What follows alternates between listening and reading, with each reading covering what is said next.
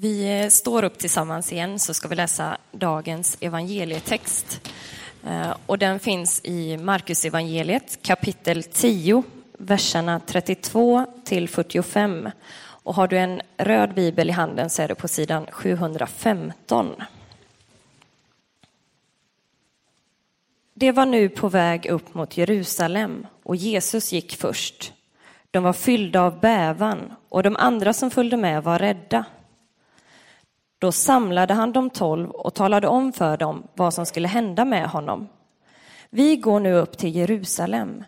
Människosonen skall utlämnas åt översteprästerna och de skriftlärda och de ska döma honom till döden och utlämna honom åt hedningarna som ska göra narr av honom och spotta på honom, prygla honom och döda honom. Och efter tre dagar skall han uppstå. Jakob och Johannes, Sebedaios söner, gick fram till honom och sa Mästare, vi vill be dig om en sak. Vad vill ni att jag ska göra för er? frågade han. De svarade Låt oss få sitta bredvid dig i din härlighet, den ene till höger och den andra till vänster. Jesus sa Ni vet inte vad ni ber om. Kan ni dricka den bägare som jag dricker eller döpas med det dop som jag döps med? De svarade, ja, det kan vi. Jesus sa, den bägare som jag dricker ska ni få dricka och det dop som jag döps med ska ni döpas med. Men platserna till höger och vänster om mig kan jag bara ge till dem som har bestämts därtill. När de andra tio hörde detta blev de förargade på Jakob och Johannes. Jesus kallade till sig dem och sa ni vet att de som räknas som härskare är herrar över sina folk och att förstarna har makten över folken. Men så är det inte hos er. Den som vill vara stor bland er skall vara de andras tjänare och den som vill vara den förste bland er skall vara alla slav. Människosonen har inte kommit för att bli tjänad utan för att tjäna och ge sitt liv till lösen för många. Så lyder det heliga evangeliet.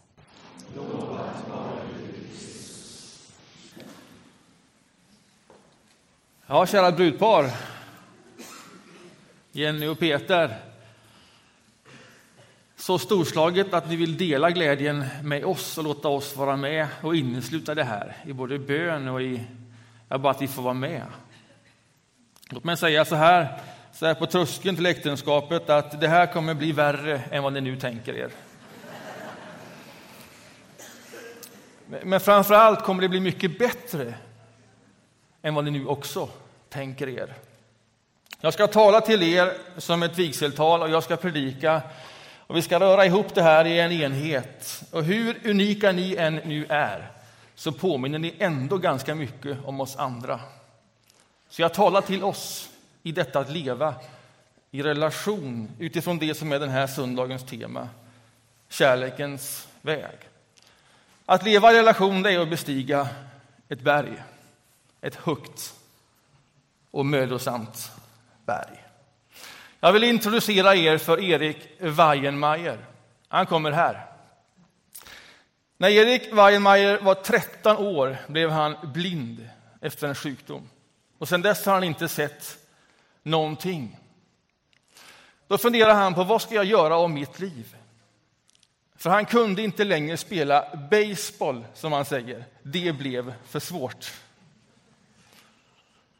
Men han hade andra sinnen och han hade börjat klättra. Och där skulle han kunna fullt ut få använda de sinnena och utveckla dem. Och så började han klättra på väggar, det blev större väggar och till sist, 2001, bestiger Erik Weihenmayer Mount Everest som blind. Det är första och enda gången som det sker. En makalös prestation.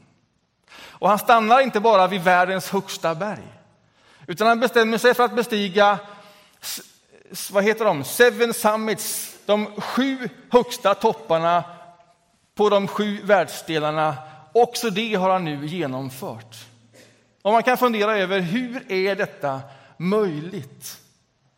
Och så berättar han att han ger sig aldrig ut i någonting som inte är förberett. Han är ingen stor risktagare, säger han. Det är väl planerat. Och han är helt beroende av människor omkring sig.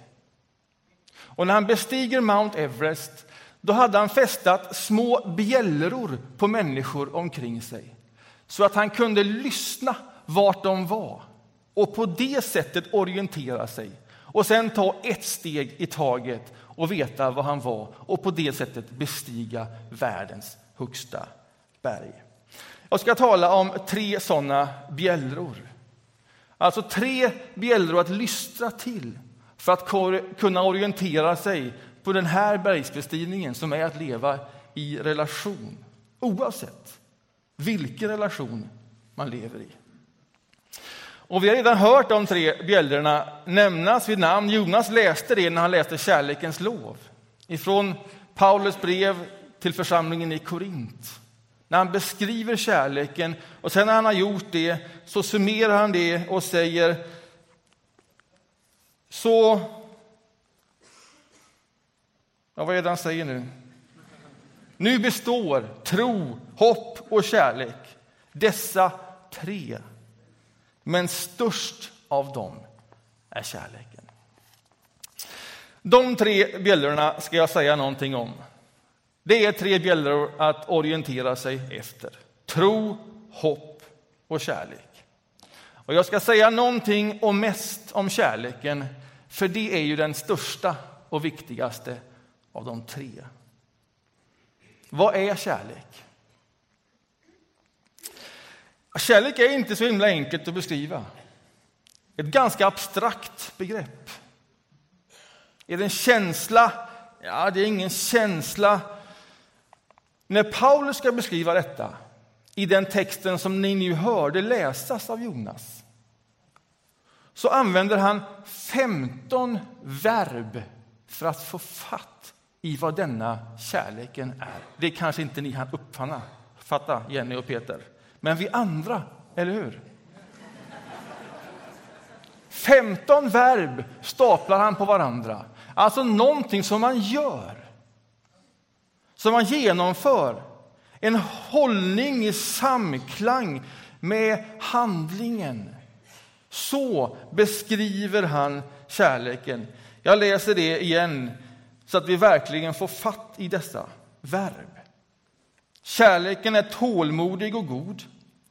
Kärleken är inte stridslysten, inte skrytsam och inte uppblåst. Den är inte utmanande, inte självisk. Den brusar inte upp, den vill ingen något ont. Den finner inte glädjen i orätten, men gläds med sanningen. Allt bär den, allt tror den, allt hoppas den, allt uthärdar den och den upphör aldrig. Allt detta utförs i relation, uppstår i relation, inte som en abstraktion. Kärleken är det största, det viktigaste, det enda som består. Det här sägs i ett sammanhang där många andra saker har blivit viktigt. Man har gått igång på olika saker och man känner att detta är grejen. Det är då orden skrivs. Annat må vara viktigt. Men när allt en gång summeras är det bara kärleken som består. Och därför behöver allting prövas i ljuset av den i den sortens liv. Vad, säger man, vad menar man med att bara kärleken består? Jo, så här. Det är Gud som är kärlek, som är kärlekens källa, sa Jonas. Och det är bara Gud som är evig. Därför är det bara kärleken som består. Och den här guden är inte ett abstrakt begrepp. Den här guden har fått ett ansikte i Jesus Kristus. Så att man kan förstå denna evige guden, denna evige kärleken. Så att man kan komma åt det och själv kliva in i det och låta det bli både min hållning och mitt liv. Det är inte otydligt. Och därför kan man läsa de här orden om kärleken och faktiskt byta ut kärleken mot Jesus. Jesus han är tålmodig och god. Jesus är inte stridslysten, inte skrytsam och inte uppblåst. Han är inte utmanande, inte självisk. Han brusar inte upp. Han vill ingen något ont. Han finner inte glädje i orätten, men gläds med sanningen. Allt bär han. Allt tror han. Allt hoppas han. Allt uthärdar han. Han upphör aldrig. Det där är en beskrivning av Gud som fått ett ansikte i Jesus Kristus. Och det är det den här söndagens tema handlar om. Detta är kärlekens väg. Och så hörde vi Lina läsa en lång text från evangelierna som är den här söndagens evangelietext. Också den är precis på detta temat. Vad som händer där det är att den som skriver texten, Markus, tar sikte på vad som ska komma. Snart kommer påsken. Så är det också här och nu. Nu går vi in i fastan här nästa vecka. Vet det var sista semlorna på tisdag och sen är det slut på onsdag. Och sen vara fastan hela vägen till påsken. Så nu tar vi härifrån sikte på påsken och det som där ska hända i Jerusalem. Och det är det som Markus gör när han skriver det här. Och så säger han, de var på väg till Jerusalem och Jesus gick först. Och så är det alltid. Jesus går alltid först. Och är det inte så, så vänd på ordningen. Låt han gå först. Och så går han först. Och han går, och där han går, där går vi efter honom. För hans väg är också vår väg. Och sen går de dit och han förutser vad som ska ske. Han säger det och de som lyssnar tänker, vad kan jag få ut av det här? Vilken plats kan jag få i rangordningen? Hur högt upp kan jag komma? Vad kan jag få betyda? Och då är det som om han måste igen tala om för dem att det är inte kärlekens väg. Nu får vi vända på hela kuttingen, påminna oss om vad är kärlek, vad är kärlekens väg? Och så säger han till dem så här. Ni vet att de som räknas som härskare är herrar över sina folk och att första har makten över folken. Men så är det inte hos er. Nu vänder vi på hela steken. Den som vill vara stor bland er ska vara de andras tjänare. Och den som vill vara den första bland er ska vara allas slav. Människosonen har inte kommit för att bli tjänad utan för att tjäna och ge sitt liv till lösen för många. Detta är kärlekens väg. Inte vad kan jag få ut av detta, utan hur kan jag bidra till den andras bästa? Det är så vi lever i relation. Det är så vi lever i äktenskap, det är så vi lever i andra relationer. Hur kan jag verka för den andres bästa? Det är kärlekens väg. Och därför kan man också, när man läser ifrån Korintierbrevet och kärlekens lov, inte bara sätta in Jesus för att verkligen kärleken inte ska bli abstrakt utan personlig, sätta in sig själv där. Därför hans väg är ju också min väg. Och känn på detta, hur det känns. Joakim är tålmodig och god. Hörde jag ett skratt redan i första meningen?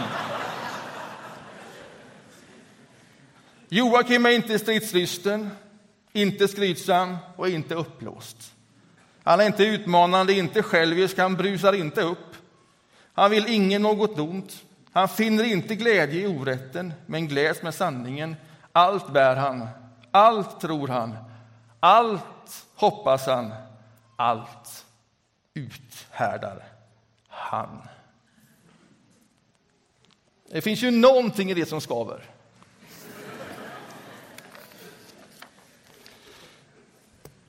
Ja, man kan vara ännu tydligare, det är helt orimligt. Ouppnåeligt. Frustrerande. Och ändå så är detta målet. Ändå är det här ribban ligger. Ändå är det där vi siktar. Därför att detta är kärlekens väg. Hur orimligt och ouppnåeligt det än kan tyckas vara. Detta är berget att bestiga.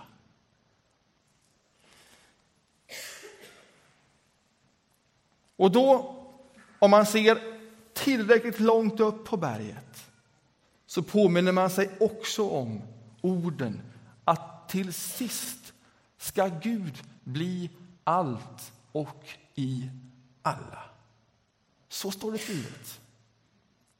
Gud ska genomsyra allt. Kärleken ska segra. Så är beskrivningen. Det är det som är toppen på detta berget. Det är kärlekens bjällra. Det är den viktigaste bjällran. Det är den som består när allting annat förgår. Så samspelar den då med tro och med hopp. Därför att de här tre bjällrorna är inte solitärer så att man kan välja tro eller hopp eller kärlek. Nej, de sitter ihop.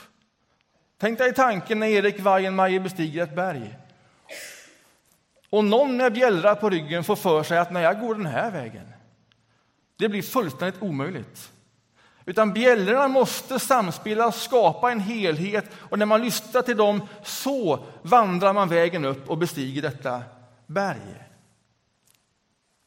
Hur förhåller sig tron till kärleken? Jo, det är genom tron som vi öppnar upp oss för denna Guds eviga kärlek. Därför hör tro och kärlek intimt samman. Lyssna här. Tron förhåller sig till kärleken som elden förhåller sig till värmen och röken. Det, vill säga, det ena går inte att tänka sig utan det andra, men det är olika saker. Tron förhåller sig till kärleken som elden förhåller sig till värmen den skapar och röken man känner. Det är genom kärlek som tron märks. Ja, man kan säga att det är genom kärlek som tron existerar. Och det är genom denna kärlek som vi lever i relation med andra. Och på det här sättet sitter tro och kärlek ihop. Så i tron på Jesus så går vi in på en väg som han har gått före och vi går efter honom och tillsammans bestiger vi det här berget för att till sist, till sist, längst upp här på toppen så ska Gud bli allt och i alla. Han som är kärlek ska genomsyra allt. Det är den resan vi börjar här och nu. Genom tron så kan man ändå känna att det är en diskrepans mellan här och nu och där och då. Det är då den tredje bjällran slår in. Det är hoppets bjällra. När man känner så att det är ett alldeles för stort avstånd mellan mitt liv och det som är det grandiosa målet. Vad gör man då? Ger man upp? Nej, säger Paulus. Ge inte upp. Lyssna på den tredje bjällran som heter hopp. Vi lever här och nu, fullt ut med allt vad det innebär och samtidigt har vi blicken längre bort. Vi fäster den på toppen, dit vi är på väg. Och vi har en hyggligt skaplig bild av vart vi är på väg. Vi vet var vi rör oss, vi känner till målet. Och bara det att lyfta blicken, att påminna sig om det, det gör någonting med oss. Det är så lätt att bli närsynt när man fångas in av alla omständigheter som gör det svårt att leva i kärlek. För de omständigheterna, de har vi. Och har du inte dem så kommer de, var så säker. Så är det i alla relationer. Att omständigheterna kan få hela vår uppmärksamhet. Men var inte bara en fånge i dina omständigheter. Lyft blicken. Se lite längre bort. Vet vart du är på väg. Vet vad som ska ske, vet vad som är din väg och ditt liv. Någon har gått före och stakat ut den vägen och du går i hans fotspår. Det är ingenting som du själv arbetar dig fram igenom, utan det är någonting som du tar emot. Här och nu, där och då. Ge inte upp. Ge inte upp, utan påminn dig om, lyft blicken och hoppas på Gud. Tro, hopp och kärlek samspelar ända tills dess att tro och hopp inte längre behövs. Då återstår bara kärleken. Och på vägen upp för det här berget så behöver vi rastplatser. Vi behöver ge näring åt tron, åt hoppet och kärleken. Och därför dukar vi varje vecka det här bordet, nattvardsbordet. Det är en sån rastplats. För alla människor, för alla som lever i relation. Därför att det är så tron och kärleken uttrycks. Vi kommer hit, vi får bröd och vin. Det här är som en basstation på bestigningen. Dit man återkommer för att ge sig upp ytterligare sträcka på vägen. Och vi går hit därför att den här basstationen, den här rastplatsen, den påminner oss om kärlekens väg.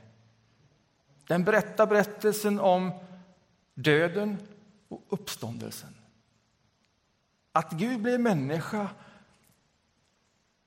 och helt och fullt tänkte på vårt bästa och gav sitt liv för det. Det var så han uttryckte kärlek. Det var i den handlingen som detta bordet blev möjligt att duka. Vi tar emot brödet och vinet som en gåva. Det är ingen ansträngning, det är en möjlighet. Vi tar det till oss, vi tuggar det i oss och vi gör det som en handling i tro. Inte bara som en påminnelse om historien långt här borta utan att jag med mitt liv kan få bli del i det. Att denna vägen kan få bli min väg.